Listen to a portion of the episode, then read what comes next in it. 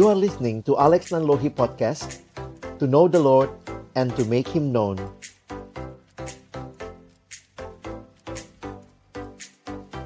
Kita berdoa. Tuhan terima kasih banyak kesempatan kami berkumpul bersama menikmati dibentuk diperlengkapi oleh Tuhan. Karena itu kami memohon ketika nanti kami akan membuka firman-Mu bukalah juga hati kami. Jadikanlah hati kami seperti tanah yang baik supaya ketika benih firman-Mu ditaburkan itu boleh sungguh-sungguh berakar bertumbuh dan juga berbuah nyata di dalam kehidupan kami Berkati hambamu yang menyampaikan, setiap kami yang mendengar, juga interaksi di antara kami. Tuhan tolong agar kami bukan hanya jadi pendengar firman yang setia, tapi mampukan dengan kuasa pertolongan rohmu yang kudus, kami dimampukan menjadi pelaku-pelaku firman-Mu di dalam kehidupan kami, di dalam masa muda kami. Bersabdalah ya Tuhan, kami anak-anakmu sedia mendengarnya dalam satu nama yang kudus, nama yang berkuasa, nama Tuhan kami Yesus Kristus, kami menyerahkan pemberitaan firman-Mu. Amin. Shalom, selamat pagi teman-teman sekalian. Senang bisa ber berzumpa ya, ini lewat Zoom soalnya ya, dengan teman-teman semua. Kesempatan ini kita akan sama-sama belajar tentang kurikulum pemuridan ya. Jadi seharian bersama saya saya akan menolong teman-teman melihat mulai dari gambar besarnya sampai nanti kita zoom lebih kecil kepada pertemuan-pertemuan yang bisa kita rancangkan untuk mencapai uh, apa ya profil murid yang diharapkan. Jadi saya akan uh, share yang saya siapkan. Sebentar ya. Recording in progress. Baik, oke. Okay. Maaf sebentar ini ada kendala sedikit saya close dulu.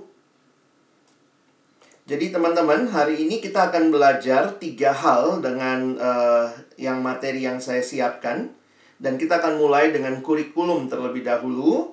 Lalu nanti kita akan belajar lebih jauh tentang profil.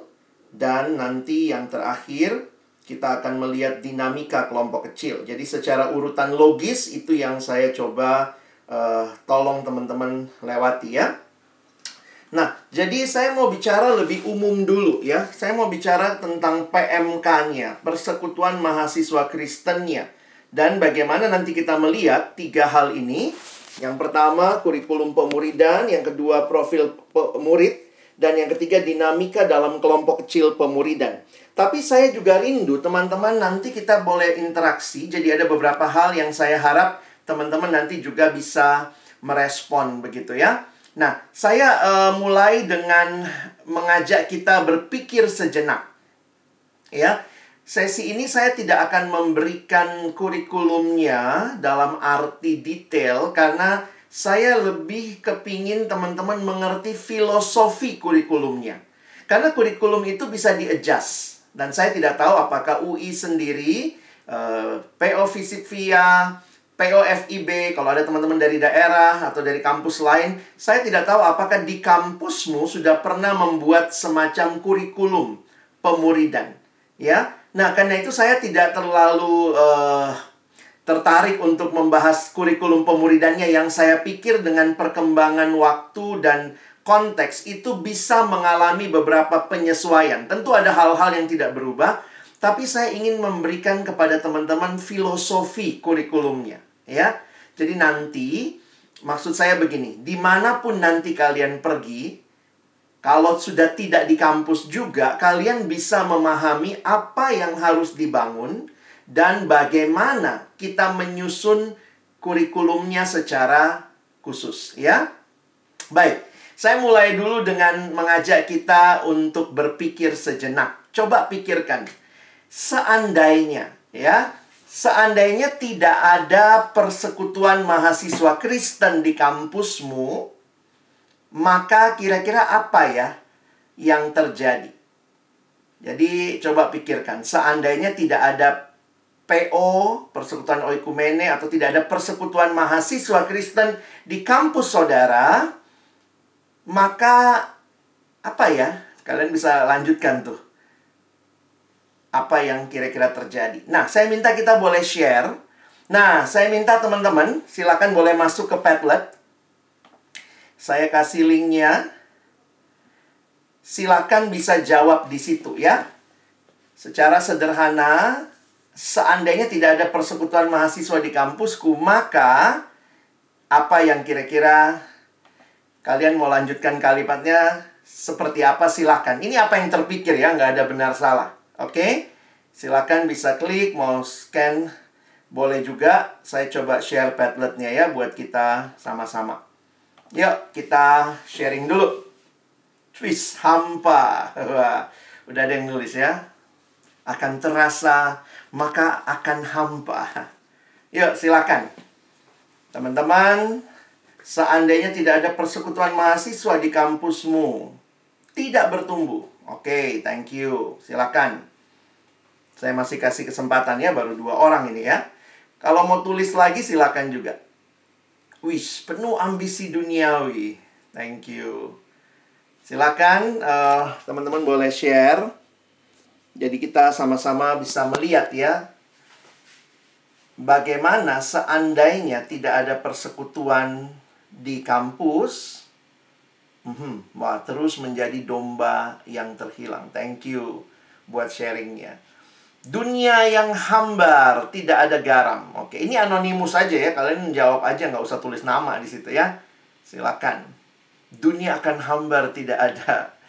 Tidak ada keluarga yang sepenuhnya di kampus untuk pulang, tanda kutip lagi pulangnya ya. Wah, hanya bisa mengandalkan pelayanan gereja. Thank you. Merasa kering. Tidak ada keluarga kuliah belajar pulang kupu-kupu ya. Kuliah pulang kuliah pulang monoton ya. Ini rohani-rohani semua nih kosong. Agak rohani nih jawabnya ya. Saya waktu awal ditanya begini dulu seandainya tidak ada persoalan mahasiswa Kristen di kampusku maka nggak banyak rapat. Gitu ya.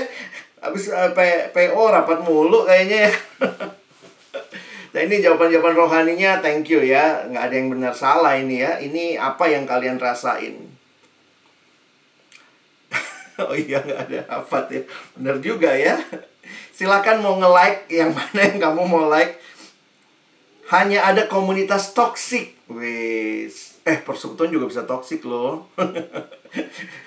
Nanti kita bisa ini ya discuss tentang hal itu. But thank you ya, ini hal yang menarik. Tidak hanya ada komunitas yang toksik. Mungkin satu dua kalimat lagi.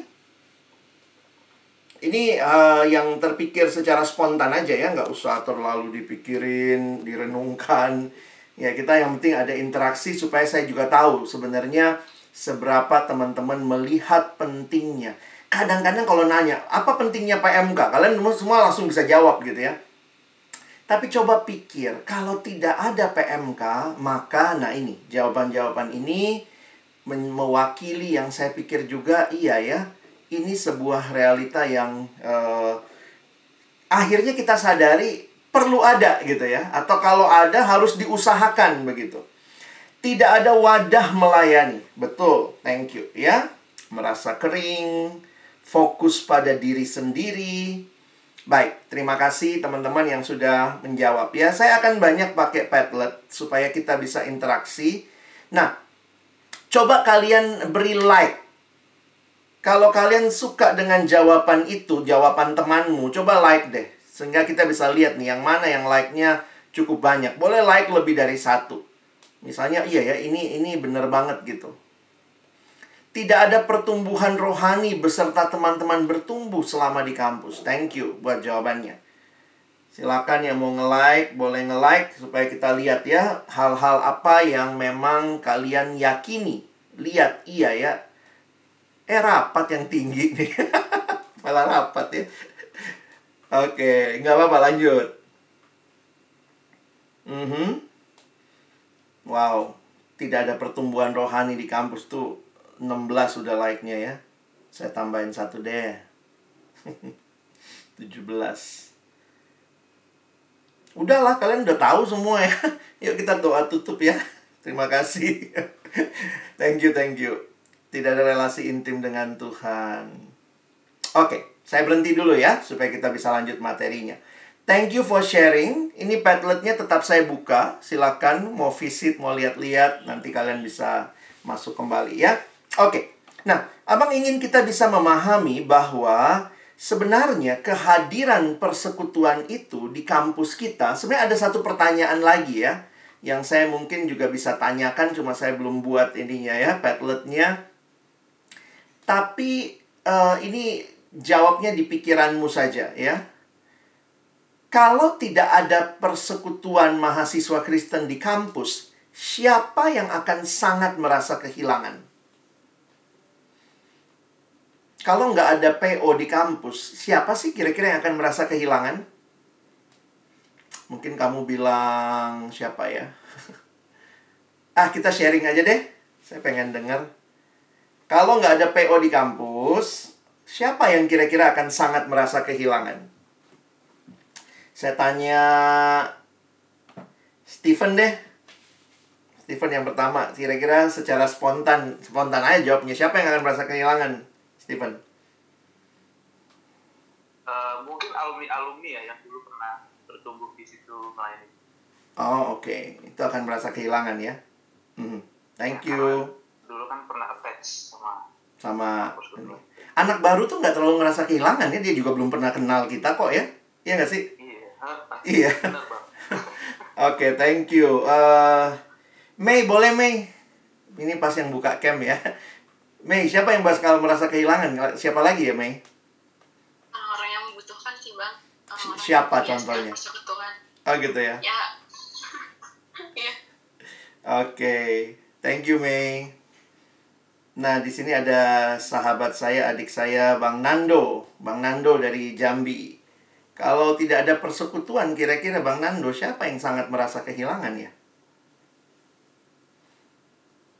Mungkin bisa dengan suara saja kalau campnya susah. Tuhan Yesus, Bang. Siapa? Tuhan Yesus, Bang. Tuhan Yesus ya. Tuhan akan merasa kehilangan banget gitu ya. Berarti kita nih nggak nggak respon ya. Thank you, Nando. Um, jadi kalau dipikir-pikir ya, kampusmu kehilangan PO nggak ya kalau nggak ada PO di kampus ya? Atau kampus kita nggak ngerasa, jadi gini loh, mau ada PO, nggak ada PO di FE, di Visit Via, di Jambi, ya nggak nggak terlalu peduli sih, mau ada apa kagak gitu ya. Nah ini jadi satu perenungan gitu ya. Eh, jangan-jangan uh, kita eksis tanpa juga ada yang butuh kita. Nah, itu juga satu perenungan yang kalian bisa pikirin ya. Betul, Tuhan pasti sangat rindu kita melayani. Tapi uh, kalau UI kayaknya peduli sih, Bang. Iya ya, kalau kampus UI itu kayaknya wajib ya karena semua agama ada gitu ya sampai ada wacana nih mau bangun rumah ibadah lagi dalam UI ya. Nah, tapi poin saya adalah um, kita hadir untuk apa sih? Nah, itu mesti kita perjelas. Karena itu waktu bicara kurikulum, bagi saya kurikulum itu tools. Tetapi eksistensi kehadiran dan alasan kehadiran harus jelas. Mengapa perlu ada persekutuan ya? Saya coba lanjut share. Jadi, pertanyaan selanjutnya buat kita, Mengapa perlu ada persekutuan mahasiswa? Mengapa harus ada PO, UI? Nah, kita biasanya mengkaitkan dengan tema yang sangat sering di banyak visi persekutuan kampus, di dalam banyak visi pelayanan, kita biasanya bicara Matius 28 ayat 19 sampai 20. Yuk kita lihat ayat ini sama-sama ya. Saya mengajak kita memperhatikan kalau lihat konteksnya teman-teman, ini adalah Eh, kalimat-kalimat terakhir Yesus di dalam atau yang dicatat di Injil Matius. Kalau kalian perhatikan, Matius selesai di Matius 28 ayat 20. Jadi ini berarti kalimat-kalimat terakhir yang disampaikan oleh Tuhan Yesus. Dimulai dengan kata karena itu, pergilah.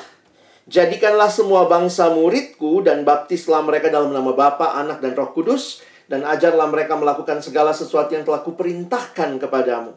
Dan ketahuilah aku menyertai kamu senantiasa sampai kepada akhir zaman. Teman-teman yang dikasihi Tuhan, kalimat Yesus ini ditangkap oleh gereja sepanjang waktu menjadi sebuah bagian yang penting. Kenapa? Karena memang kalau lihat judulnya ini adalah The Great Commission. Ini sebenarnya amanat, artinya perintah yang agung. Mungkin kalau kita dengar kata amanat itu agak distorsi ya, bayangannya amanat pembina upacara, lalu kemudian istirahat di tempat gitu ya. Jadi kayaknya kalau kita dengar kata amanat, bayangannya cuma nasihat, petua, tetapi ini tidak demikian. Natur daripada bagian ini adalah sebuah perintah yang Tuhan Yesus sampaikan. Apa perintah yang dia sampaikan? Di dalam pelayanan yang dirintis oleh Bapak uh, John Haggai, dia menuliskan bahwa your last command is our first concern. Perintah terakhirmu itulah concern utama kami. Memang banyak orang yang mencoba menggali ayat ini, tetapi bagi saya yang menarik adalah menemukan bahwa ada kata perintah karena ini perintah Nah, kita coba lihat ada berapa kata perintah di sini, ya. Di dalam bahasa Indonesia lebih jelas karena kata perintah biasanya ada akhiran lah. Ya, oke, kita hitung. Karena itu, pertama, pergilah. Kedua, jadikanlah semua bangsa muridku. Ketiga, baptislah mereka dalam nama Bapa, Anak, dan Roh Kudus. Keempat, dan ajarlah mereka melakukan segala sesuatu yang telah kuperintahkan kepadamu. Kelima, dan ketahuilah, hehe, jangan salah ya, ketahuilah bukan kata perintah ya. Jadi, ketahuilah tidak masuk teman-teman. Kalau kalian lihat bahasa aslinya, hanya empat kata perintah ini. Dan dari empat kata perintah ini, menariknya, hanya ada satu sebenarnya kata perintah utama jadi kalau kalian mengerti struktur dalam bahasa Yunani, sebenarnya kata perintah utamanya itu cuma satu. Yang mana? Hmm, betul ya. Jadikanlah murid bagiku dari semua bangsa. Jadi bukan pergilah walaupun dia muncul pertama, bukan berarti pergilah jadi bagian yang utama kalau kita mengeksegese ayat ini. Sehingga tiga kata perintah yang lain adalah memberikan atau kata perintah utama ini memberikan arah bagi tiga kata perintah yang lain. Apa tujuannya pergi? Bukan shopping, bukan jalan-jalan, tapi jadikan murid. Apa tujuannya baptis menjadikan murid? Apa tujuannya mengajar menjadikan murid? Jadi, bicara tentang murid Kristus ini menjadi fokus dalam pelayanan Yesus dan bahkan menjadi perintah yang dia sampaikan di akhir pelayanannya sebelum dia kembali ke surga. Mungkin kita sekarang bertanya, apa bedanya Kristen sama murid? Mana yang lebih alkitabiah? Kristen atau murid? Nah, sebenarnya jangan diperdebatkan. Kalau kalian tertarik melihat dan meneliti kata Kristen, sebenarnya kata Kristen ini di Alkitab Perjanjian Baru kita hanya muncul tiga kali, teman-teman. Dalam bahasa aslinya ya. Memang kalau kalian searching di Alkitab Bahasa Indonesia LAI, LAI menerjemahkannya sampai 6 atau 7 kali kalau saya tidak salah ingat. Tetapi dalam bahasa aslinya sebenarnya cuma muncul tiga kali kata Kristen. Pertama kali muncul di kisah Rasul pasal 11 ayat 26. Perhatikan kalimatnya. Ini Paulus dan Barnabas atau Saulus dan Barnabas waktu itu di jemaat Antioquia. Mereka tinggal bersama-sama dengan jemaat itu satu tahun lamanya sambil mengajar banyak orang. Di Antioquia lah murid-murid itu untuk pertama kalinya disebut Kristen. Jadi teman-teman perhatikan, mereka disebut Kristen. Dari tata bahasanya kalian bisa menyimpulkan bahwa nampaknya Kristen bukanlah nama yang mereka pilih untuk diri mereka sendiri. Tidak. Tetapi Kristen adalah nama yang mungkin adalah julukan atau bulian bahkan yang diberikan untuk menyebut orang-orang yang hidupnya mirip Kristus. Jadi memang akhiran iannya gitu ya. Christian. Mirip Kristus. Sama kalau kayak kita lihat ya uh, menunjukkan orangnya kayak teman-teman yang kampusnya Binus ya. Binus mahasiswanya disebut Binusian. Ada iannya belakang. Orang yang pikirannya, pandangannya seperti Gus Dur. Di dalam bangsa ini disebut Gus Durian. gitu ya, itu lucu juga ya. Nah, itu mau menunjukkan kepada kita keserupaan dan ini bukan nama yang mereka pilih bagi diri mereka, tetapi nama yang diberikan sebagai nampaknya ejekan bagi orang-orang pada waktu itu yang hidupnya mirip Yesus. Munculnya yang kedua masih di kisah Rasul, sekarang di kisah Rasul 26 ayat 28. Di dalam pembelaan Paulus atau ketika Paulus menyampaikan di hadapan Raja Agripa tentang pembelaannya Lalu ini respon Agripa, karena Paulus juga menyampaikan firman, menjelaskan pertobatannya, melihat siapa Yesus bagi hidupnya. Jawab Agripa, hampir-hampir saja kau yakinkan aku menjadi orang Kristen. Jadi, kalau teman-teman perhatikan, itu menarik juga ya.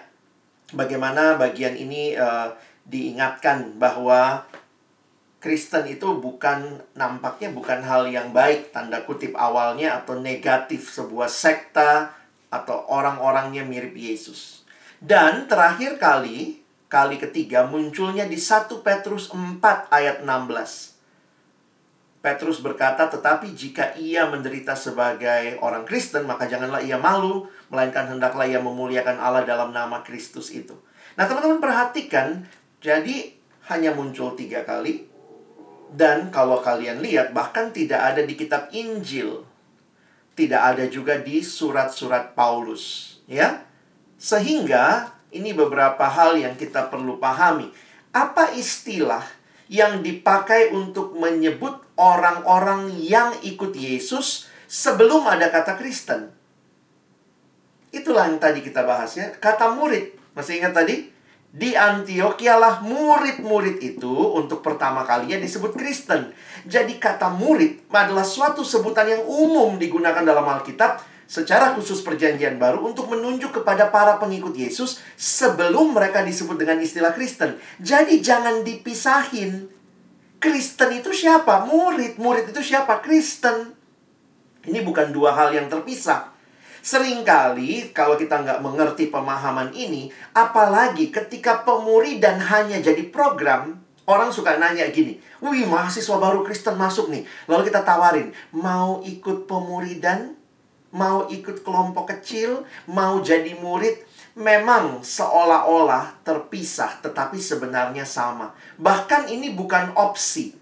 Seolah-olah bisa jadi Kristen, nggak usah dimuridkan. Enggak di dalam pemahaman Kristen ya murid, murid ya Kristen. Jadi Christianity itu terkait dengan menjadi murid. Christianity without discipleship is always Christianity without Christ. Jadi kita bicara pemuridannya dulu ya, jangan bicara dulu bentuknya. Kalau bentuknya kan ada kelompok kecil, ada hal yang lain. Tapi poin saya adalah semua orang Kristen harusnya jadi murid. Karena semua murid itu juga ya mereka yang Kristen. Dan ini bukan hanya berhenti sampai di situ, kembali merefleksikan Matius 28, Tuhan Yesus di akhir hidup pelayanannya pun bahkan memberikan kepada murid-muridnya perintah. Perintahnya apa? Kalau saya simpulkan secara sederhana adalah terus jadi murid yang kemudian memuridkan. Nah, jadi kalau kalian menghayati kita ini pelayanan yang mengikut apa yang Yesus lakukan, maka ini harus jadi visi kita. Kalau kita mengatakan kehadiran pelayanan mahasiswa atau mungkin teman-teman ada yang dari pelayanan siswa atau mungkin yang melayani di gereja, kita melayani tujuannya apa? Ini tujuannya. Murid yang memuridkan. Saya mau gali lebih dalam supaya kalian bisa punya sedikit wawasan tentang murid. Mari kita perhatikan karakteristik murid dalam Injil Matius. Jadi ini sebenarnya agak campur dengan nanti kita bicara profil ya. Tapi saya angkat lebih awal karena ini masih terkait dengan apa artinya sih jadi murid. Di dalam Injil lain juga dijelaskan, tetapi bagi saya yang menarik itu adalah apa yang tertulis dalam Injil Matius, beberapa karakteristik ini. Nah, yang pertama, kalian bisa lihat di Matius 23 ayat 1 sampai 3. Abang sudah tulis ayatnya di screen. Maka berkatalah Yesus kepada orang banyak dan kepada murid-muridnya, katanya, ahli-ahli Taurat dan orang-orang Farisi telah menduduki kursi Musa. Jadi kursi Musa adalah gambaran orang yang punya otoritas untuk mengajar, ya. Jadi siapa yang duduk di kursi Musa? Ahli Taurat dan orang Farisi. Perhatikan kalimat Yesus di ayat 3. Sebab itu, turutilah dan lakukanlah segala sesuatu yang mereka ajarkan kepadamu, tetapi janganlah kamu turuti perbuatan-perbuatan mereka, karena mereka mengajarkannya tetapi tidak melakukannya. Wah, saya kaget waktu baca ini pertama kali. Dulu abang pikir pokoknya Tuhan Yesus gak suka sama sekali semuanya tentang orang Farisi. Ternyata enggak ya. Perhatikan kan? Ada yang Yesus suka? Ada, teman-teman. Ada yang Yesus puji? Ada. Yesus memuji ajaran mereka. Yang Yesus bilang jangan dituruti adalah perbuatan mereka. Karena apa? Perhatikan, mereka mengajarkan tetapi tidak melakukan. Jadi menarik untuk memperhatikan kualitas yang perlu dimiliki oleh orang yang namanya murid. Dia adalah seorang yang melakukan apa yang dia ajarkan. Ya. Maaf ini uh, laptop saya agak sedikit masalah. Steven bisa tolong sebentar ya. Hmm. Saya coba lagi deh. Kalau memang oke. Okay. Udah ya? Thank you. Next. Nah, apa bedanya murid sama Farisi? Kalau kalian memahami dengan jelas, maka murid adalah orang yang melakukan. Farisi juga dikatakan tadi eh, bahkan mengajar, tapi perbedaannya dia tidak melakukan. Jadi kita ini adalah orang-orang yang harusnya jadi murid, bukan jadi farisi ya. Saya pikir pelayanan mahasiswa tidak menghasilkan farisi-farisi yang otaknya jago, tahu banyak ayat, tahu doktrin, tetapi tidak melakukan. Bukan itu. Fokus Tuhan Yesus tidaklah menjadikan lebih banyak farisi, tetapi membawa orang-orang untuk jadi murid. Oke, kita lihat yang kedua. Next. Kalau kalian perhatikan di ayat berikutnya, Matius 27 ayat 24 sampai 27. Next, boleh tunjukkan ayatnya.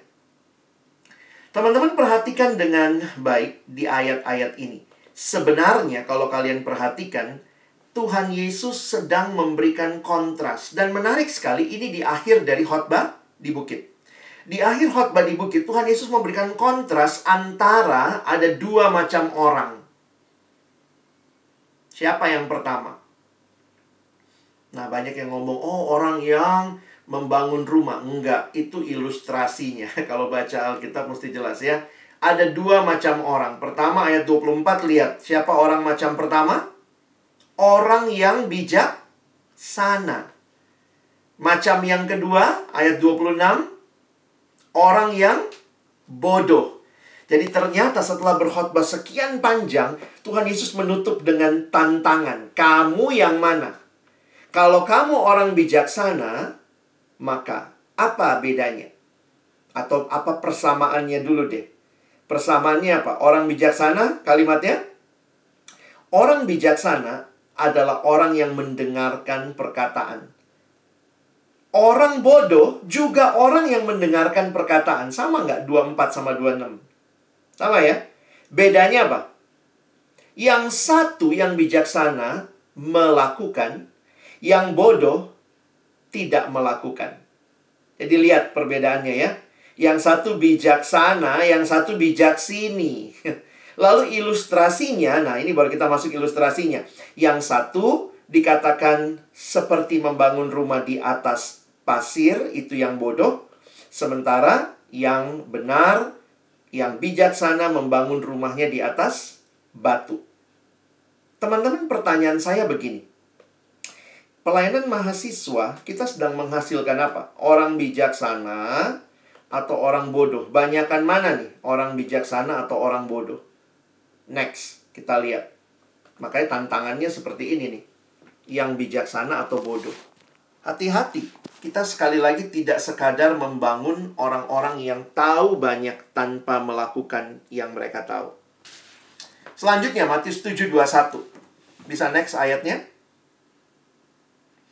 Nah, di Matius 7 ayat 21, bagi saya menarik ya, Tuhan Yesus memberikan gambaran murid itu di, dikontraskan ya. Bukan setiap orang yang berseru kepadaku Tuhan, Tuhan akan masuk ke dalam kerajaan sorga. Melainkan dia yang melakukan kehendak Bapakku yang di sorga. Kalau kalian baca ayat ini, jangan salah mengerti. Karena Tuhan Yesus tidak sedang mengajarkan keselamatan dengan melakukan. Tidak. Karena kalau lihat konteksnya, ayat ini sedang berbicara tentang penyesatan. Bahwa orang yang sesat, pengajar-pengajar yang sesat, yang palsu, itu bisa dibedakan. Dan Yesus mengatakan, ya kamu bisa lihat hidupnya ya, apakah dia melakukan kehendak Bapakku yang di surga.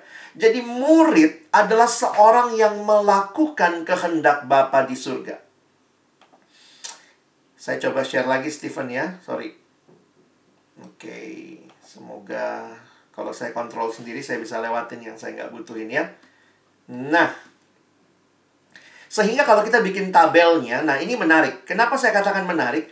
Karena ketika saya mempelajari perspektif murid dalam Injil Matius, maka fokus yang menarik adalah kepada melakukan. Teman-teman, orang Farisi itu kalau kita kontraskan dengan murid, orang bodoh sama orang bijaksana, sama-sama mendengar. Sama-sama bahkan kalau dikatakan ya, yang Farisi sudah mengajarkan. Tentu murid juga bisa mengajarkan. Tetapi fokus yang berbeda adalah orang Farisi dan bodoh tidak melakukan, murid orang bijaksana itu malah melakukan. Teman-teman, apa yang menarik di sini? Kita tidak diminta menghasilkan Farisi. Kita tidak diminta menghasilkan orang bodoh. Jadi bayangkan waktu Yesus sebelum naik ke surga, dia katakan, pergi jadikanlah semua bangsa muridku. Dia sedang meminta kita membawa atau membangun orang-orang yang sebagai murid dan orang bijaksana dan sangat luar biasa. Kenapa? Karena saya melihat Tuhan Yesus untuk melakukan untuk uh, apa ya Tuhan Yesus sendiri pun telah melakukan itu dalam hidupnya sendiri. Apa sih fokus Tuhan Yesus selama tiga tahun? Dia mengumpulkan para murid, dia mengajar mereka. Fokusnya adalah mengajar mereka juga melakukan. Karena itu Matius 28 menarik ya kalimatnya tadi ya. Karena itu pergilah jadikanlah semua bangsa muridku dan baptislah mereka dalam nama Bapa, Anak dan Roh Kudus dan ajarlah mereka segala teori kekristenan. Enggak gitu kan? Perhatikan kalimatnya. Ajarlah mereka melakukan. Ini goal akhir hidup sebagai murid murid yang serupa dengan Kristus dan secara sederhana mereka tahu kebenaran tapi kemudian melakukan kebenaran. Makanya kadang saya mikir gini, kenapa kita kelompok kecil seminggu sekali ya? Kenapa kelompok kecil nggak bikin aja kayak kuliah gitu ya? Hari Senin bab 1, hari Selasa bab 2, hari Rabu bab 3. Akhirnya kan kita cuma butuh 12 hari loh, selesai semua bab. Kenapa kita kelompok kecil nggak kelar-kelar gitu ya? Wah, karena poin utamanya bukan cuma mengajar pengetahuan. Kalau cuma mengajar pengetahuan gampang, bikin aja kursus singkat, selesai bahan kelompok kecil, bab 1, bab 2, bab 3. Tetapi kita berpikir bagaimana orang yang mengerti kebenaran melakukan kebenaran. Karena itu teman-teman ingat baik-baik, pemuridan itu sebuah proses panjang proses di mana orang belajar kebenaran dan melakukan kebenaran. Terus belajar, melakukan, mengetahui pengetahuan, melakukan. di sini saya melihat ya, ingat baik-baik, yang menjadikan engkau PKK sebenarnya bukanlah training ini. Training ini hanya di akhir daripada seluruh proses yang engkau sudah lewati bersama dengan PKKmu. Saya menghayati yang menghasilkan pemimpin kelompok kecil adalah sebuah proses pemuridan yang berlangsung dari minggu ke minggu. Di dalamnya ada proses belajar kebenaran, terus melakukan, menerapkan kebenaran. Jadi jangan berpikir kita ini produk dari sebuah training. Tidak. Murid adalah produk dari sebuah proses pemuridan. Dan training ini atau pembinaan ini adalah di bagian ujung yang mengutus kalian. Tapi kamu sendiri harusnya dibentuk bukan dari training, tetapi dari sebuah proses yang baik. Nah sayangnya memang nggak semua orang punya proses yang baik ya. Ada PK kamu yang tinggalin kamu. Jadi ya saya sangat menghargai anugerah Tuhan. Training ini akan mungkin membuat kamu juga makin mengerti banyak hal. Tapi ingat, kalau kamu jadi PKK, next generation itu lahir dari kesetiaan yang kamu dan saya lakukan ketika kita memuridkan dari minggu ke minggu. Oke? Okay? Nah, menarik ya. Tuhan Yesus datang ke dalam dunia visinya jelas. Menghasilkan murid yang kembali memuridkan supaya apa? Nah, kita sekarang lihat lagi the big picture ya. Kadang-kadang kita masuk ke fokus kita jadi lupa big picture-nya. Nah, saya mau jelasin ini sebentar supaya nanti teman-teman bisa mengerti kerangka kenapa kita punya kurikulum. Apa sih yang mau dicapai, ya? Nah, saya mengajak kita melihat awal pelayanan Yesus. Ada dua ayat yang saya ingin kita baca di Matius 3 ayat 2. Ini berkaitan dengan Yohanes Pembaptis. Dan di Matius 4 ayat 17. Ini berkaitan dengan Tuhan Yesus. Oke, abang ajak kita baca dulu Matius pasal 3 ayat 2. Tapi saya mau ajak kita baca konteksnya dari ayat 1, ya. Pada waktu itu tampillah Yohanes Pembaptis di padang gurun Yudea dan memberitakan, nah ini ayat 2 ya. Bertobatlah sebab kerajaan sorga sudah dekat. Istilah kerajaan sorga sama dengan kerajaan Allah. Memang yang menarik, Matius menggunakan karena Matius Injilnya untuk orang-orang Yahudi terlalu kudus mereka sebut Allah sehingga Matius menggunakan istilah kerajaan sorga. Lihat apa yang ada di bagian ini. Kenapa saya mau ajak kita perhatikan ini? Karena visi Yohanes Pembaptis atau berita Yohanes Pembaptis ternyata sama loh sama beritanya Yesus. Coba kita lihat Yesus ya. Kalau tadi kan Yohanes Pembaptis. Matius 4, saya baca konteksnya, makanya saya naik ayat 12, 13, lalu nanti ke 17. Tetapi waktu Yesus mendengar bahwa Yohanes telah ditangkap, menyingkirlah ia ke Galilea. Ia meninggalkan Nazaret dan diam di Kapernaum di tepi danau di daerah Sebulon dan Naftali. 17. Sejak waktu itulah Yesus memberitakan, bertobatlah sebab kerajaan sorga sudah dekat.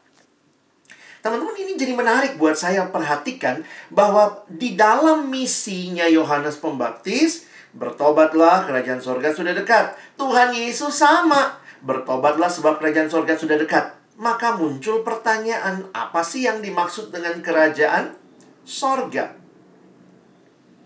Kenapa ada visi kerajaan Allah? Dari mana visi kerajaan Allah ini? Kalau teman-teman memperhatikan, kerajaan Allah, kerajaan sorga itu sama. Saya tulis di sini Injil Matius ditulis untuk orang Yahudi jadi dipakai istilah kerajaan surga. Apa yang dimaksud dengan kerajaan Allah? Kerajaan sorga. Ini konsep yang sudah ada sejak perjanjian lama. Jadi kalian bayangkan, waktu Yesus datang, Yesus tuh tidak bawa misi yang sama sekali baru. Misi Yesus berakar pada perjanjian lama, di mana Allah adalah raja atas seluruh bumi. Bukankah itu konsep penciptaan? Ketika Allah menciptakan segala-galanya, maka dia raja atas seluruh bumi. Tetapi terjadi pemberontakan di dalam kerajaan itu. Manusia mau jadi raja. Jadi kalau kita perhatikan, di dalam perjanjian lama sejak manusia jatuh dalam dosa terus cerita-ceritanya itu tentang penolakan sang raja tanpa kita sadari itu semua ceritanya itu manusia mau bangun menara Babel nah, kan dari opung Adam sama Hawa ya makan buah pohon itu mau tahu yang baik dan benar dengan waktu mereka bukan waktunya Allah lalu lihat lagi ceritanya wih ada menara Babel yang mereka bangun Ceritanya manusia mau jadi Allah. Manusia mau mencapai langit dituliskan di kejadian 11. Kalian lihat lagi ceritanya. Memang Tuhan kemudian menyelamatkan. Tuhan pilih ya. Kita lihat waktu itu Tuhan sebenarnya sebelumnya ada Nuh. Lalu kemudian nanti ada ada Abraham dan keluarganya. Eh bandel lagi. Selalu ceritanya begitu ya. Sudah dipilih Allah, diberkati. Eh dia kemudian melawan Allah terus tidak mau jadi raja dalam dunia. Sorry, mereka tidak mau Allah jadi raja. Maunya dirinya lah yang adalah raja. Jadi waktu kalian perhatikan, Yesus itu membawa misi apa? Kalimat Yesus sama dengan misi Yohanes Pembaptis. Yohanes Pembaptis dapat misinya dari mana? Ya dari perjanjian lama. Bertobatlah, kerajaan Allah sudah dekat. Maksudnya kerajaan Allah adalah kerajaan Allah. Secara sederhana, Allah adalah satu-satunya raja yang berkuasa penuh dan memerintah atas seluruh ciptaannya. Jadi kalau kalian perhatikan awal Injil Matius, Yesus berfokus kepada mau membangun kerajaan Allah. Mengembalikan Allah di tahta yang sesungguhnya. Itulah misinya Yesus dia datang, dia menebus kita supaya kita kembali merajakan Allah. Jadi ingat, itu yang Tuhan bawa dalam misinya, misi yang kembali memulihkan apa yang rusak dalam relasi manusia dengan sang raja, yaitu Allah. Nah, jadi ingat ya, tadi kan Matius pasal 4 ayat 17. Nah, pertanyaannya begini. Gimana Tuhan Yesus dengan visi yang besar ini, gimana Tuhan melakukannya? Kadang-kadang kalau saya pikir ini menarik ya. Karena kalian bisa perhatikan Tuhan Yesus tuh hanya pelayanan tiga tahun. Kurang lebih. Dia punya visi sebesar ini. Membangun atau memulihkan kerajaan Allah. Kira-kira apa yang akan dia lakukan? Kita lihat Matius 4 ayat 18. Tadi kan kita berhenti di 17. Saya tunjukkan Alkitab cetak. Matius 4 ayat 17 kalian lihat di situ. Sejak waktu itulah Yesus memberitakan bertobatlah sebab kerajaan surga sudah dekat. Yesus melanjutkan misi Yohanes Pembaptis yang berakar di dalam perjanjian lama. Apa yang Yesus lakukan? Dia mulai dengan memanggil murid-murid yang pertama. Nah, saya mau rangkai sekarang ya. Jadi kalau kita pahami ini, visi kerajaan Allah dicapai dengan visi pemuridan. Jadi kalau kita menempatkan persekutuan mahasiswa kita, PMK, Persekutuan Mahasiswa Kristen, PO, kita bikin persekutuan besar, kelompok kecil, pelayanan pribadi. Kita kan bilangnya apa? Ini untuk menghasilkan murid. Tetapi dalam cara pandang yang lebih luas, sebenarnya teman-teman dan saya kita terhisap di dalam visi kerajaan Allah bagi dunia ini. Saya menuliskan kalimat ini ya. Yesus membangun kerajaannya dengan cara memanggil murid-murid. Nah, jadi kalau sekarang kita punya PO, PO yang hadir di kampus kita, Persekutuan Oikumene, PMK yang hadir di kampus kita, itu adalah satu anugerah yang Allah berikan untuk membangun kerajaannya dan karena itu kita harus membangun murid. Karena tanpa murid tidak ada kerajaan Allah yang dibangun. Karena Allah membangun kerajaannya lewat menghasilkan atau memanggil orang menjadi muridnya. Makanya kalau kita kembali ya, visi, misi, strategi dari persekutuan mahasiswa Kristen, ini semua terkait dengan apa yang Tuhan rindukan terjadi di kampus kita. Visi itu kan sebenarnya melihat ya. Visi itu kita melihat. Televisi ya, visi itu melihat. Saya kutip kalimat George Barna ya. Dia mengatakan begini. Visi yaitu sebuah gambaran masa depan yang sangat jelas yang Allah komunikasikan kepada pemimpin pelayannya berdasarkan pengenalan yang akurat tentang Allah, tentang diri sendiri dan lingkungannya. Bagi saya menariknya begini teman-teman. Kenapa ya bicara visi? Sekarang di mana-mana bicara visi. Partai politik punya visi. Mau masuk ke mana ada visinya. Masuk kampus juga ada visi misi kampus ya. Apa yang kira-kira sangat membedakan? Bagi saya waktu merenungkan kalimat George Barna, Visi adalah gambaran masa depan yang sangat jelas yang, perhatikan kalimat ini, yang Allah komunikasikan kepada para pemimpin pelayannya. Bedanya visi kita bukan cuma hasil SWOT kondisi. Visi kita bukan hanya hasil dari analisa situasi yang terjadi. Visi adalah sesuatu yang kita terima di dalam relasi dengan Allah yang punya pelayanan ini. Karena itu, siapa yang terima visi? Orang-orang yang bergaul karib dengan Allah. Yang bergaul akrab dengan Allah. Kenapa? Karena visi itu kan Allah yang komunikasikan. Saya cerita sedikit pengalamannya awal-awal melayani di kampus tuh saya juga ya namanya kita masih mahasiswa baru ya ikutannya saya sudah dilayani dari SMA tapi saya bersyukur Tuhan kasih pertumbuhan banyak di kampus. Termasuk visi untuk melihat orang-orang yang butuh kenal Yesus. Saya dapat visi itu mungkin bukan hanya dengan sesi-sesi ya. Tapi saya melihat seorang kakak rohani waktu itu dia ketua PO di masa saya masuk. Dan waktu itu nah teman-teman saya tuh kos. Saya kosannya di daerah Gang Pepaya dekat stasiun UI dulu nggak ada pintu jadi kita bisa nerobos langsung ke kosan saya dari situ. Jadi biasanya kalau mau ke Margonda orang tuh lewat kosan saya. Jadi kakak PO ini dia kalau pulang karena mau ngambil bus di Margonda dia jalan kaki pasti ngelewatin kosan. Nah dia beberapa kali suka mampir kosan saya karena pas di pinggir jalan gitu ya. Di pinggir uh, gang begitu ya. Jadi orang tuh suka mampir gitu. Alex Alex gitu ya. Jadi beberapa kali saya uh, ya terima tamu lah ya. Nah waktu itu kakak ini datang. Karena dia perempuan saya nggak bisa terima di kamar ya. Saya bawa dia ke ruang TV gitu ya. Terus biasa gitu uh, dia bilang Lex bagi minum dong. Oh iya kak. Bentar saya ambilin minum terus kami ngobrol-ngobrol gitu ya. Nah tiba-tiba dalam obrolan itu Terus dia cerita gitu ya. Iya deh, Lex sedih banget ya lihat teman-teman kita yang gak kenal Tuhan. Aku tuh dalam saat teduh Tuhan ingatkan, iya gimana mengasihi mereka. Kita susah banget cari pelayan nih di kampus. Terus wah sambil dia cerita gitu teman-teman, dia berlinang air mata gitu. Wih, itu itu benar-benar amazed buat saya karena saya juga takut ya. Ini di kosan saya, di ruang TV orang lalu lalang lalu dia nangis gitu depan saya. Nanti orang mikir nih gua apain nih kakak gitu ya.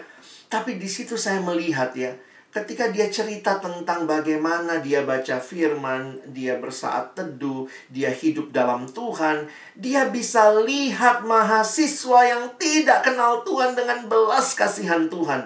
Dia bisa menangis untuk orang lain. Itu pertama kali saya melihat ada orang yang nangis untuk hidup orang lain. Kadang-kadang orang nangis karena kejepit pintu juga nangis, putus pacar, nangis hanya buat diri sendiri. Tetapi ketika saya melihat orang yang bergaul dengan Allah, situasi yang dia lihat, dia lihat dengan kacamata Allah. Jadi jujur kalau saya katakan saya nikmati visi itu menular ya dari pengalaman dia cerita seperti itu, saya juga berdoa, Tuhan saya minta pengalaman itu. Dan akhirnya juga dalam perjalanan ya Tuhan juga kasih.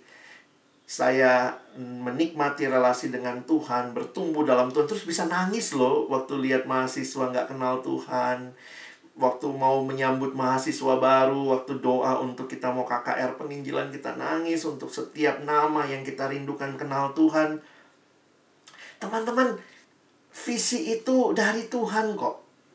Bukan cuma hasil SWOT. Kalau hasil SWOT itu kayak data.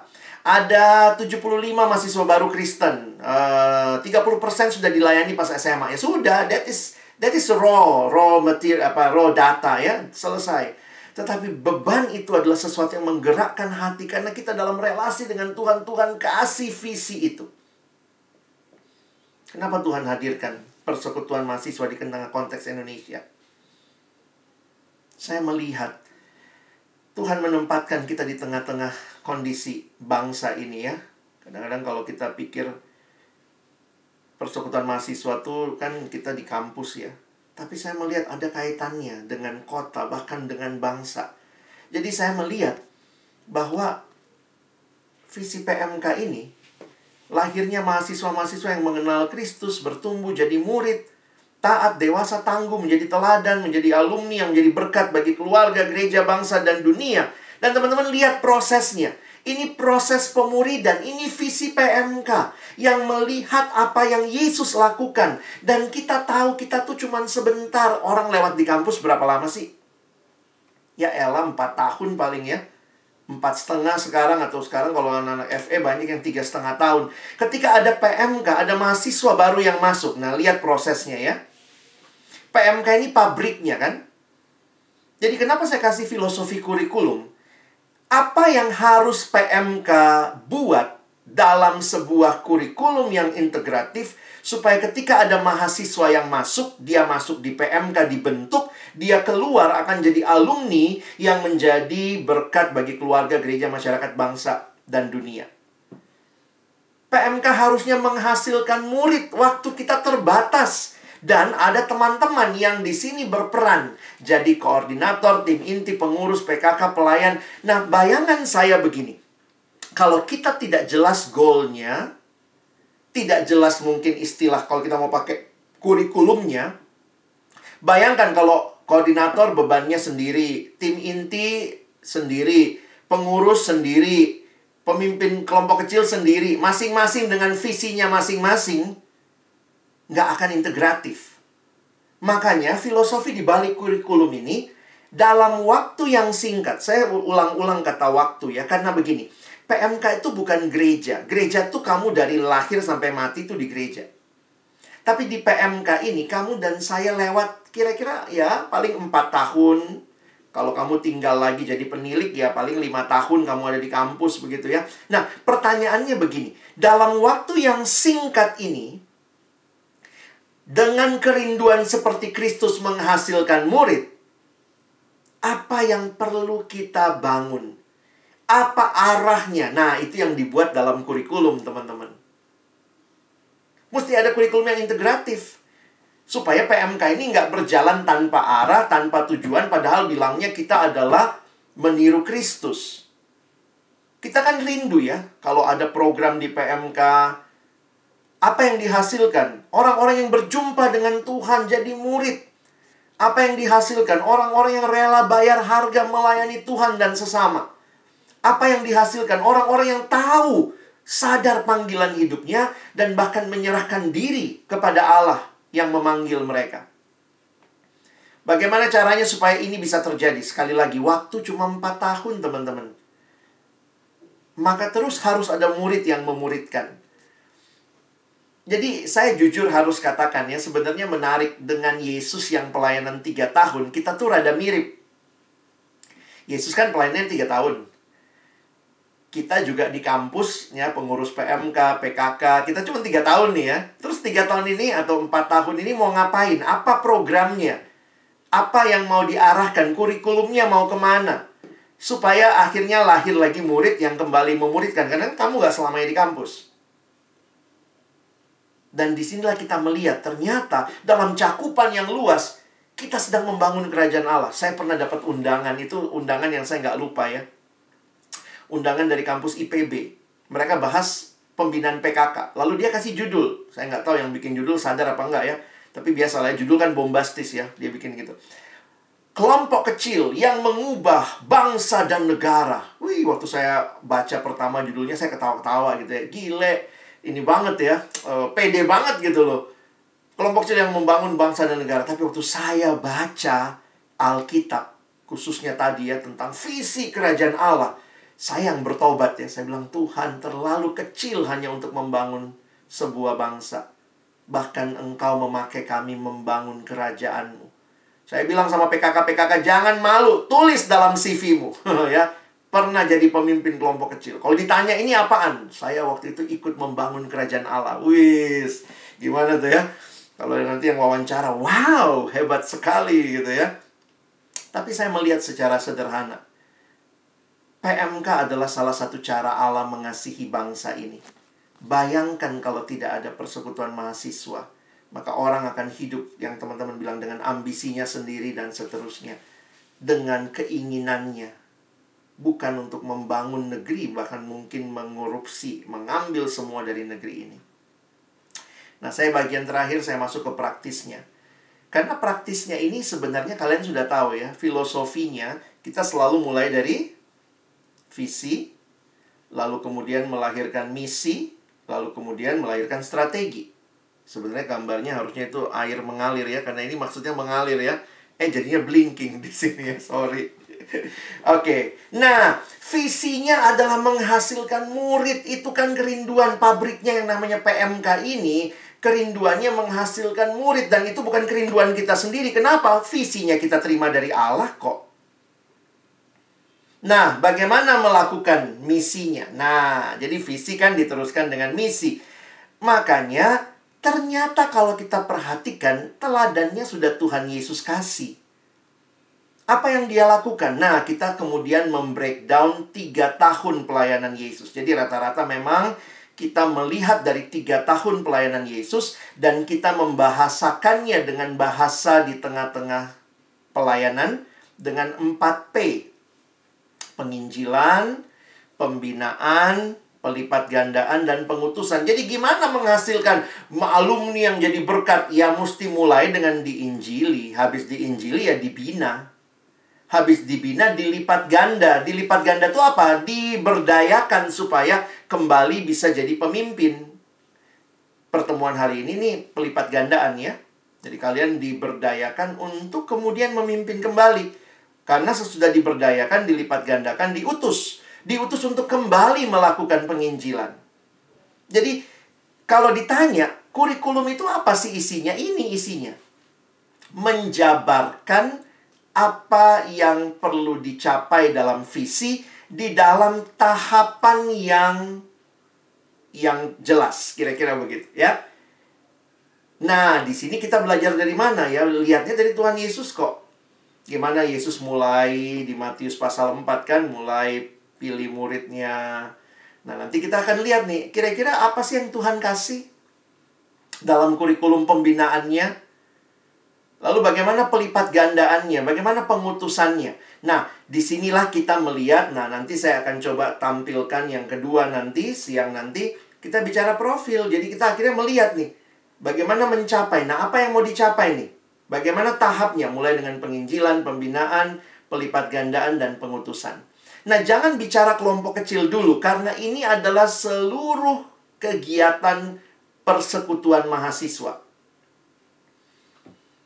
Lalu sekarang saya mau masuk lebih jauh ya. Pegang gambar ini di kepalamu. Lalu bagaimana strategi pelayanan pemuridan Yesus? Visi sudah, misi sudah, sekarang strategi. Kenapa dalam kurikulum harus ada strategi juga? Karena kita tahu Tuhan Yesus pun melayani dengan strategi. Paling tidak tiga strategi utama. Tuhan Yesus melayani kelompok kecil, dia pelayanan massal, tapi juga dia pelayanan pribadi. Jadi kalau teman-teman perhatikan, ini bukan hal yang saling bertentangan. Makanya di dalam pelayanan mahasiswa yang kita adopsi juga dalam PO kita, strategi ini semua kita pakai. Ada persekutuan besarkah di kampus? Ada. Ada kelompok kecilkah? Ada. Ada pelayanan pribadikah? Ada.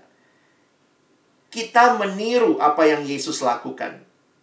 Nah, karena itu ini perlu disusun sebenarnya ya. Coba kita susun dengan baik mengikuti sebuah pola logis pembinaan yang di dalamnya, nah ini yang kita jadikan kurikulum. Nah, akhirnya gambar yang bisa mewakili untuk mengajak kita memahami, saya kasih contoh begini. Gimana sih cara bangun rumah? Kalau anak teknik bilang ya bangun dulu pondasinya. Nah, itu yang kita tangkap juga. Bagaimana caranya Yesus membangun murid? Nggak langsung tiba-tiba datang dari langit. Dia harus dipertemukan dengan dasar hidup yang paling dasar yaitu Kristus. Makanya perhatikan tulisan Paulus. Paulus bilang begini ya, aku membangun di atas dasar yang jelas. Nah, jadi kira-kira gambarnya begini. Yang bagian bawah itu namanya pondasi. Nah, pondasi ini harus kita kerjakan dengan baik. Jadi ini sudah menggabungkan ya, lihat ya. Yang tadi P1, P2, P3, P4 digabung sama strategi nih. Strateginya tadi kan mulai dari ada pelayanan pribadi, pelayanan kelompok kecil dan kelompok besar. Nah, saya mencoba menuliskan begini. Kelompok kecil itu terlihat di luar dan persekutuan besar itu seperti atapnya. Tetapi tetap harus ada pembangunan rohani pribadi yang dimulai dari orang itu kenal Yesus. Nah, kan logikanya persekutuan besar yang dibangun tanpa dibangun dasarnya nggak kuat. Sementara logika lainnya begini.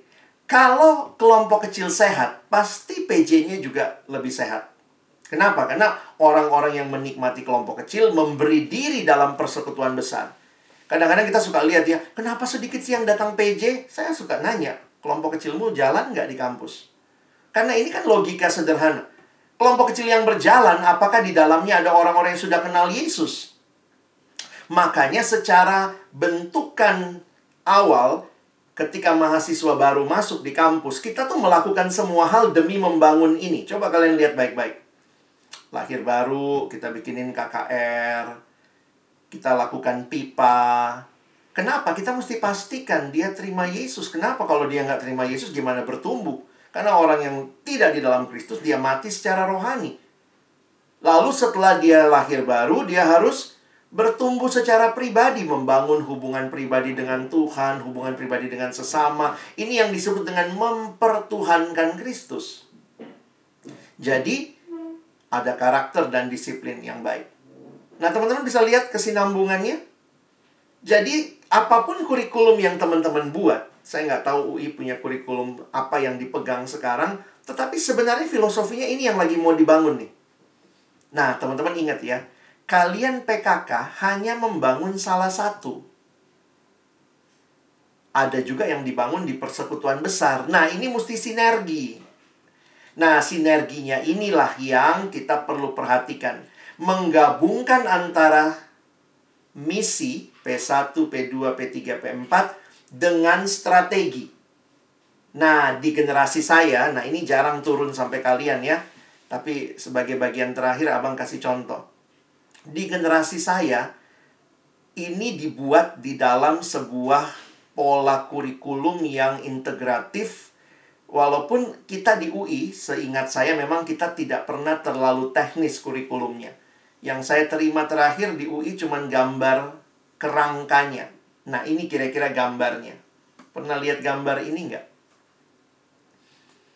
Di generasi kami, P1, P2, P3, P4 selalu diajak untuk dipikirkan dalam strategi Yesus. Secara pribadi, secara kelompok, secara massal. Belakangan mulai ada media, maka bagaimana kita memanfaatkan media. Gimana PI? dalam acara besar. Nah, itu tuh camp-camp PI. Tapi itu saling meniadakan nggak? Kalau sudah di PI di kelompok besar, apakah kelompok kecilnya nggak usah PI? Enggak, tetap ada pipa. Nah, makanya di beberapa kampus tuh, kayak FE biasanya tuh disesuaikan pipanya, lalu kemudian nanti KKR-nya jadi puncak dari pipa. Nah, itu yang namanya kita bentuk itu menjadi sebuah kesatuan antara P1-nya dan bentuknya. Jadi secara pribadi tetap terjadi. Kita tetap PI pribadi mungkin, kita bagi-bagi traktat, tidak masalah. Tetapi secara kelompok terjadi, secara massal terjadi. Nah, kalian bisa lihat tuh. Udah lama sih nggak pernah bahas hal seperti ini. Tapi kira-kira kalau kurikulum, walaupun kalian nggak terima gambar ini, saya yakin di kepalamu ada ya. Udah tahu ya mahasiswa baru masuk. Kalau anak UI mah udah tahu, mahasiswa baru masuk, eh, seksi acaranya bikin acara-acara PJ yang kaitannya sama PI. Nanti panitia RPI atau panitia JDO bikin acara untuk KKR penginjilan. Nanti kelompok-kelompok pipa mulai jalan. Nah, cuman ini yang saya nggak tahu. Apakah kalian tahu bahwa ini sebenarnya adalah dari satu sumber untuk melakukan pekabaran Injil, maka kita lakukan dalam berbagai bentuk. Nah, gimana P2-nya? P2-nya juga begitu. Nanti saya kasih deh slide-nya ya, kalau kalian mau pelajari bagi kita tidak ada dibukukan, tetapi kalau di UI ini kayaknya ada di otak setiap anak ya. Saya nggak tahu kalian ngerti persis apa enggak, tapi kayak udah default setting gitu. Pembinaan. Gimana secara pribadi? Nah, pribadi ini sebenarnya tidak dikontrol ya. Yang kita kontrol di kampus biasanya hal-hal yang berkaitan dengan kelompok atau pelayanan kelompok besar. Nah, nanti P3-nya juga begitu pelipat gandaan. Secara pribadi gimana? Kamu tuh secara khusus dilakukan uh, pelipat gandaan pribadi kok sama PK kamu ya. Dengan dia kontak mungkin kamu dia doakan. Itu secara pribadi. Mungkin nggak dikontrol oleh seksi kakak. Tetapi ada yang dikontrol. Misalnya hari ini secara massal ya. Pembinaan calon pemimpin kelompok kecil. Nah itu kan pelipat gandaan yang dilakukan secara massal di beberapa kampus yang tidak sanggup melakukan, dia bisa melakukan pertumbuhan proyek pribadi. Jadi sebenarnya gambaran ini harus disesuaikan dengan konteks di kampus masing-masing. Contoh, kalau di kampusmu cuma dua PKK, ngapain sih bikin pembinaan CPKK besar? Cukup aja pelipat gandaan melalui mungkin ada senior atau tim inti yang langsung menangani dengan memberi proyek pribadi, baca buku, demi Dek, kamu siap ya nanti ikut jadi PKK misalnya. Dan termasuk yang terakhir pengutusan. Secara pribadi bagaimana, secara kelompok, secara massal. Jadi kalau kalian lihat gambar ini, nah ini sebenarnya mensummary kurikulum yang sudah ada di otakmu. Nah, memang kita lihat gambar terakhir ya fokus utama kita di dalam pelayanan memang dikatakan kelompok kecil. Inilah tulang punggung persekutuan. Kelompok kecil itu menjadi jalur utama pembinaan kita. Apakah persekutuan besar dibuang? Enggak, tetap ada. Tetapi ini loh, bahwa kita melihat bahwa ini tidak saling meniadakan, tetapi saling mendukung kelompok kecil jadi tulang punggung utama. Karena itu pemuridan, pembinaan kelompok kecil, pembinaan calon pemimpin itu jadi penting di pelayanan kita untuk menghasilkan murid. Oke, saya berhenti sampai sini. Kiranya ini memberikan gambaran buat teman-teman filosofi kurikulum kita, ya, yang sebenarnya sudah ada di pikiranmu Abang coba jelasin filosofinya dan kenapa akhirnya kita kayak menggabungkannya P1, P2, P3, P4 digabung sama pelayanan kelompok besar, kelompok kecil, pelayanan pribadi. Baik, saya berhenti dulu. Thank you. Ada pertanyaan kah? Teman-teman yang ada pertanyaan boleh mengisi link yang telah diberikan di kolom chat.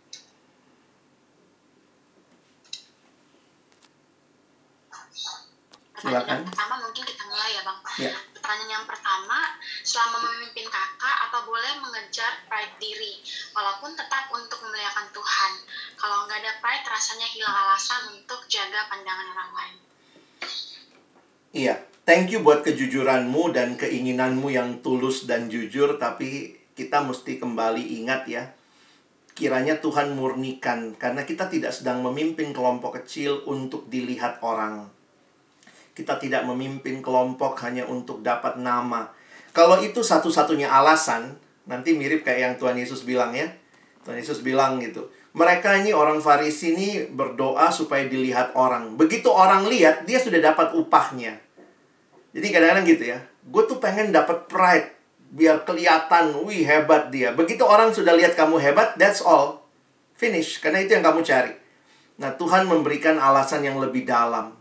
Di dalam uh, Matius 6, waktu Yesus bilang, waktu kamu berdoa, ya berdoalah seperti kepada Bapamu. Berdoa, menyampaikan kepada Tuhan. Jadi akhirnya saya melihat begini ya, bahwa memang tidak ada dari kita yang lepas dari keinginan-keinginan kita untuk diakui, dihargai, pride kita. Tapi nikmatilah bahwa alasan yang paling dasar adalah engkau dicintai Tuhan. Engkau dikasihi Tuhan dan dia memanggilmu untuk mengasihi orang lain. Sehingga ketika tidak ada satupun orang yang lihat kamu, tidak ada satupun orang yang memuji kamu jadi PKK. Kamu tetap melayani karena kamu bukan melayani supaya dilihat orang. Jadi thank you sekali lagi buat kejujurannya tapi saya harus katakan you have to push more than just your pride. Thank you.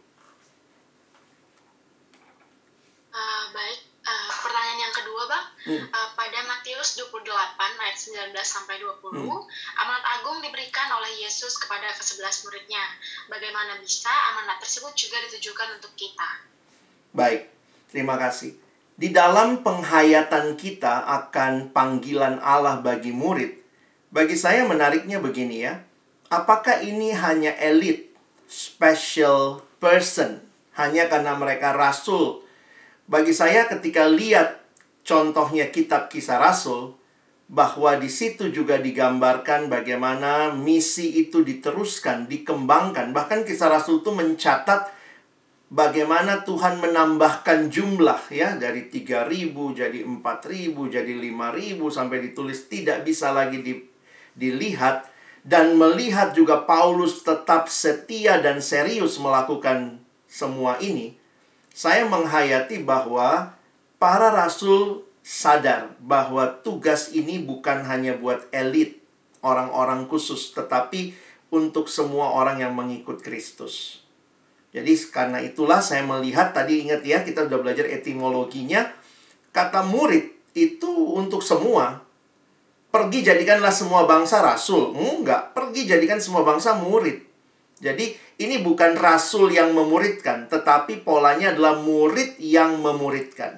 Jadi kalau kalian belajar sejarah gereja, belajar uh, me me menggali ayat-ayat itu, kita akan melihat dengan jelas itu bukan untuk para rasul saja. Kira-kira begitu jawaban singkatnya. Baik, terima kasih Bang Alex. Nah, selanjutnya itu uh, kita mungkin beralih ke teman teman-teman yang yang nggak bisa isi link, boleh banget uh, raise hand. Di sini sudah ada teman kita yang raise hand, siapa tahu uh, pertanyaannya berhubungan dengan pertanyaan yang sebelumnya. Kepada Yandres, uh, dipersilakan untuk memberikan pertanyaan secara langsung. Oke, makasih. Oke, makasih Bang Alex iya, buat uh, pemaparannya. Uh, Iya, mau nanya bang sebenarnya gimana caranya ya uh, hmm. mungkin bisa ditanya approach atau gimana cara mengomunikasikan bahwa ya sebenarnya yang namanya pemuritan khususnya KTB dalam kelompok kecil gitu pemuritan dalam kelompok kecil itu sesuatu yang penting hmm. dengan catatan bahwa udah ada struktur nih yang bilang kalau ya yang namanya pertumbuhan rohani itu cuma bisa lewat pemberitaan firman yang murni aja gitu ini kan dan posisinya itu uh, cutting gitu yang ngomong begitu. Apakah harus menunggu hmm. atau ada cara khusus ya? Gimana cara untuk nge-sharing ini ini baik-baik? Kalau sebenarnya ini penting dan perlu dapat perhatian juga. Mungkin gitu bang. Hmm. ya susah-susah gampang sih dek ya. Apa dia perlu dengerin rekaman ya? Tapi di sisi lain sebenarnya ya coba saling menghargai. Karena pasti titik temunya ada sih yang satu mungkin lebih melihat fokus kepada pengajaran dan doktrin yang sehat, tetapi kemudian kita melihat bahwa bukan cuma doktrin yang penting, hidup rohani adalah sebuah kehidupan yang real bisa dijalani. Jadi murid itu orang yang tahu dan tahu itu bicara doktrin, tapi juga orang yang menghidupi yang dia tahu. Nah, ini yang kadang-kadang saya harus katakan uh, ya Tuhan sedang membentuk kita lah jadi kalaupun masih sulit ya, ya kalaupun masih sulit ya mungkin ketika kamu jadi pemimpin ya biarlah lebih integratif, lebih holistik kali ya pendekatanmu. Bagi saya eh, jangan dibuang salah satunya, nggak bisa. Karena bagi bagi kita juga begini, integrasi yang baik itu melihat dua hal sebagai hal yang penting. Ada yang bilang kalau cuma ngomong praktis-praktis, doa saat teduh, nggak bicara pengajaran yang sehat, gimana dong? Betul, tapi juga kalau sudah bicara pengajaran yang sehat, banyak orang yang katanya menguasai, baca buku-buku teologi, buku-buku sistematik, tapi dia nggak punya saat teduh yang teratur. Menarik juga tuh bagi saya. Dia nggak punya jam doa yang baik gitu. Karena akhirnya melihat hidup rohani itu seolah-olah pengetahuan itu yang membawa dia dekat sama Tuhan.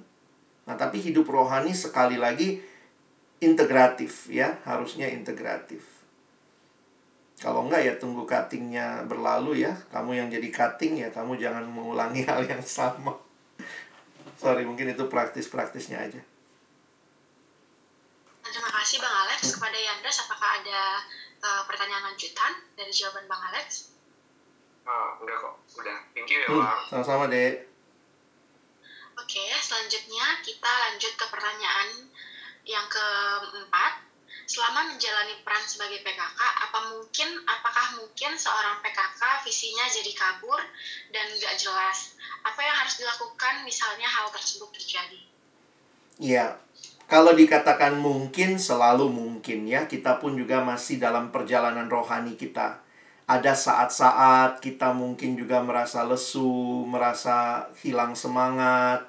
Ada saat-saat mungkin kita kecewa sama orang yang kita bimbing. Tapi kemudian, nah di sini pentingnya ya, pentingnya saling membangun, saling menguatkan. Makanya di beberapa kampus biasa ada yang namanya pembinaan pemimpin kelompok. Jadi bukan cuma bukan cuma waktu mau jadi pemimpin dikumpulin begini, kadang-kadang dimasukin breakout room, ditanya-tanya gitu ya. Bagi saya penting juga kalau kalian jadi uh, pemimpin kelompok kecil, punya pertemuan-pertemuan rutin yang baik lah. Kalau mungkin nggak ada yang mau dibahas, doalah gitu ya. Karena saya juga pikir ya nggak di di masa saya itu uh, ada dua model ya. Jadi kami waktu itu PKK PKK, zaman kami kan susah cari pembicara deh ya, nggak kayak sekarang ya. Pembicaranya kayak banyak, kalian gampang telepon abang ini nggak bisa ya ganti abang itu, kakak ini nggak bisa ganti kakak itu. Zaman saya tuh susah cari pembicara. Jadi akhirnya kami PKK PKK tuh kumpul. Jadi kita punya KTB para PKK. Waktu itu kami juga paling cuma 10 orang ya.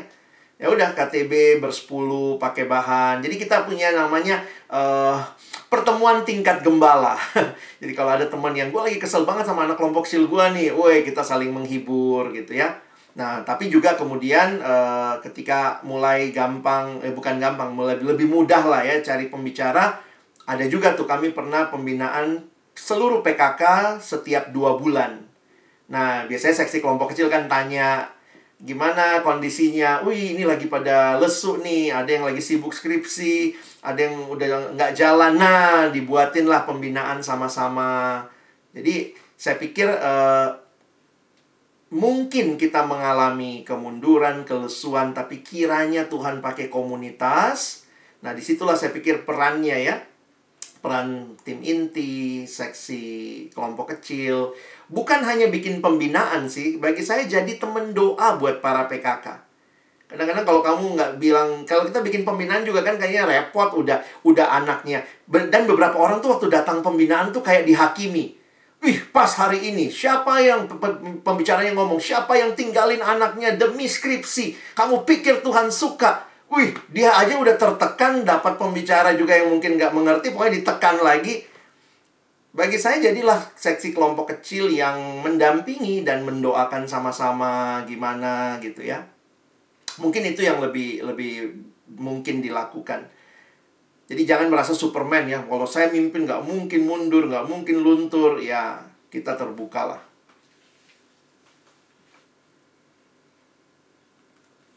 Oke, terima kasih Bang Alex. Sama-sama. Nah, teman-teman boleh tuh uh, setiap fakultas buat pembinaan PKK atau bahkan doa bersama yang rutin gitu ya. Nah, kemudian Bang, pertanyaan yang selanjutnya itu di sini ada pertanyaan, Bang, gimana kalau anak pipa kita terkesan nggak mau diajak pipa, apalagi kelompok kecil? Perlukah kita approach mereka lagi dan lagi?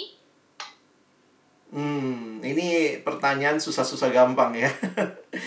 Uh, kalau saya ya ini saya secara pribadi dengan pengalaman yang pernah saya lakukan saya akan usahakan dalam waktu tertentu.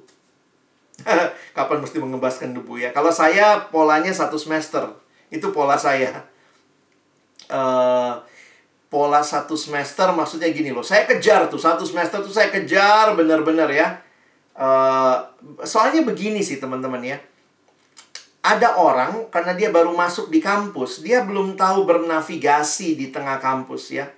Jadi mungkin juga dengan kamu jadi temennya dia, bukan cuma temen ngajak kelompok kecil sih, tapi temen yang mungkin bisa menolong dia. Apalagi kalau kalian jurusannya, fakultasnya sama, itu bisa nolong tuh. Dampingin tuh. Nah, saya biasanya kejar tuh, satu semester kejar gitu ya. Kalau dia bilang nggak mau pun, minggu depan tanya lagi, masih mau nggak gitu. Nah, Biasanya sesudah satu semester saya mesti narik garis. Karena apa? Jangan-jangan ada yang mau bertumbuh, tapi karena dia nggak serius, jadinya menghambat yang lain. Kan ada yang begitu ya. Kita satu kelompok berlima ya, uh -uh. terus yang lain serius empat. Dia nggak datang, tapi kita punya kesepakatan. Kalau nggak datang satu, kita nggak kelompok ya. Bayangkan kalau satu semester nggak jalan-jalan gara-gara satu orang yang nggak komit begitu. Saya pernah begitu. Uh, ya itu itu pola saya. Jadi saya kejar satu semester sesudah itu ya saya tapi saya kejarnya agak ekstrim ya. Bener-bener ngejar. Saya tunggu jadi dulu kan nggak ada HP HPan ya saya kirim surat. Hari apa tuh jadi misalnya saya kirim surat hari Senin kita kelompok kecil hari Kamis tuh ya. Saya kirim surat hari Senin hari Rabu saya ketemu saya ingetin hari Kamisnya saya tunggu depan kelas. Gitu. Pokoknya segala dilakukan gitu. Itu yang saya lakukan. Nah tapi ada aja orang yang lolos, yang lari. Bentar ya kak, aku mau ke kantin dulu. Oh pas, saya juga mau ke kantin. Ayo, saya temenin ke kantin ya, nggak bisa lari dia. Poin yang saya maksudnya gini loh, saya benar-benar bukan cuman udah janjian, nggak datang sudah, bodoh amat. Saya pikir jangan begitu juga. Kalau kamu give up cepat hanya dengan pola begitu, ya kamu kamu mungkin juga nggak benar-benar sayang sama dia ya tapi itu, nah yang kedua yang saya lakukan, nah ini yang saya coba lihat. Setiap semester saya tantang AKK saya lanjut atau tidak. Saya tidak mau berasumsi mereka pasti mau lanjut. Jadi setiap semester saya tantang lagi. Kenapa? Logika saya begini, setiap semester jadwal kuliah berubah. Nah, biasanya waktu mulai berubah, walaupun dia satu kelompok, tanya lagi nih. Kalau mau satu kelompok, berarti kalian mesti siapin ya. Saya bilang kosongin hari ini misalnya. Tapi kalau dia bilang, waduh saya nggak bisa nih kak. Ada yang akhirnya mundur. Ternyata dia udah lama mau keluar, cuma nggak enak sama saya aja. tapi ada juga yang kedua, dia tetap mau kelompok, tapi jadwalnya nggak pas. Nah, beberapa kali saya bentuk kelompok baru. Jadi dipisah sama temennya. Karena kenapa? Memang dia masih mau bertumbuh, cuma nggak klop jadwalnya sama yang lain. Jadi saya yang berkorban lah pegang dua pertemuan. Jadi uh, saya nggak bisa bilang sampai kapan itu tergantung pergumulanmu sama Tuhan. Tapi jangan uh, kalaupun kamu bilang tidak ya. Jadi ini pengalaman lagi ya. Satu waktu kakak saya mundur tuh di semester kedua dia bilang bang thank you tapi saya milih mundur Nah itu gimana tuh ya? Saya kan jadi PKK pertama Ada anak mundur gitu tuh Rasanya harga diri Segala macem gitu ya. Tapi kemudian saya ingat Saya minta sama Tuhan hati yang mengasihi dia Selama satu semester Saya tetap Waktu itu komitmen saya buat AKK Saya tetap kasih renungan harian. Jadi selama satu semester Ya waktu perpisahan lah ya Tanda kutip dia bilang Saya nggak lanjut kelompok kecil ya Karena saya milih ikut yang lain saya bilang sama dia, ingat ya, kami tetap keluargamu. Kapan pun kamu butuh, silahkan balik ke kelompok kecil. Lalu kemudian selama eh, enam bulan berikutnya, saya tetap tiap bulan tuh beliin renungan harian dan kasih ke dia. Nah, itu cara saya menjalin relasi tanpa mengintimidasi. Biasanya kan kalau AKK begitu udah mundur, nggak ada relasi sama kita. Kalau lihat kita pun malu gitu. Jangan, nggak apa-apa. Kita berelasi dan eh tanya kalau dia mau didoain, nggak apa-apa gitu. Tetap ada relasi yang baik. Mungkin itu. Baik, terima kasih Bang Alex. Uh, teman-teman itu cukup praktis ya bisa dilakukan dalam uh, nanti yang jadi PKK baru atau di sini kan ada PKK PKK lain juga boleh hmm. dipraktikan. Nah, kemudian uh, pertanyaan dari link sebenarnya sudah habis, namun teman-teman masih dipersilakan jika ingin bertanya, boleh langsung raise hand. Apakah ada pertanyaan? Uh, baiklah, jika tidak ada, kita lanjut ke selanjutnya kepada Bang Alex. Kami persilakan Bang untuk menutup khotbah kita. Baik, mari kita berdoa. Tuhan terima kasih karena hari ini kami kembali difokuskan untuk melihat bahwa seluruh yang diupayakan di dalam persekutuan mahasiswa Kristen PMK adalah demi menghasilkan murid. Baik di kelompok kecil, di kelompok besar maupun hal-hal pribadi yang dilakukan. Dan biarlah kami mengerti, memahami ini sehingga kami tidak memilah-milih sehingga menjadi orang-orang yang terkotak-kotak tetapi kami melihat secara utuh dan berjuang bersama, khususnya ketika Tuhan panggil kami menjadi pemimpin-pemimpin kelompok kecil. Kami sungguh rindu apa yang kami terima hari ini makin mendorong kami untuk meneladani Kristus, teladan kami yang utama, yang ketika engkau hadir dalam dunia ini, engkau fokus untuk menghasilkan murid yang kembali memuridkan bagi kerajaanmu. Terima kasih. Kami bersyukur dalam nama Yesus kami menutup sesi ini. Amin.